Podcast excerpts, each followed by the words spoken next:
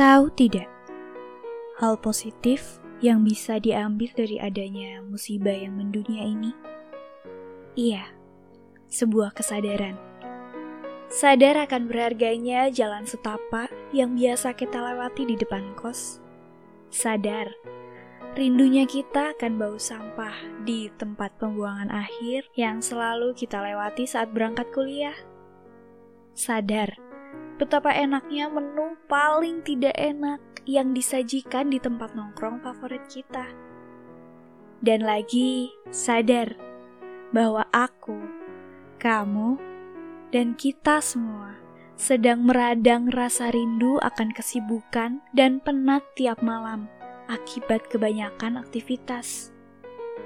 Sayangnya, sadar yang itu sudah telat sekarang waktunya kita berangkat jadi lebih kuat.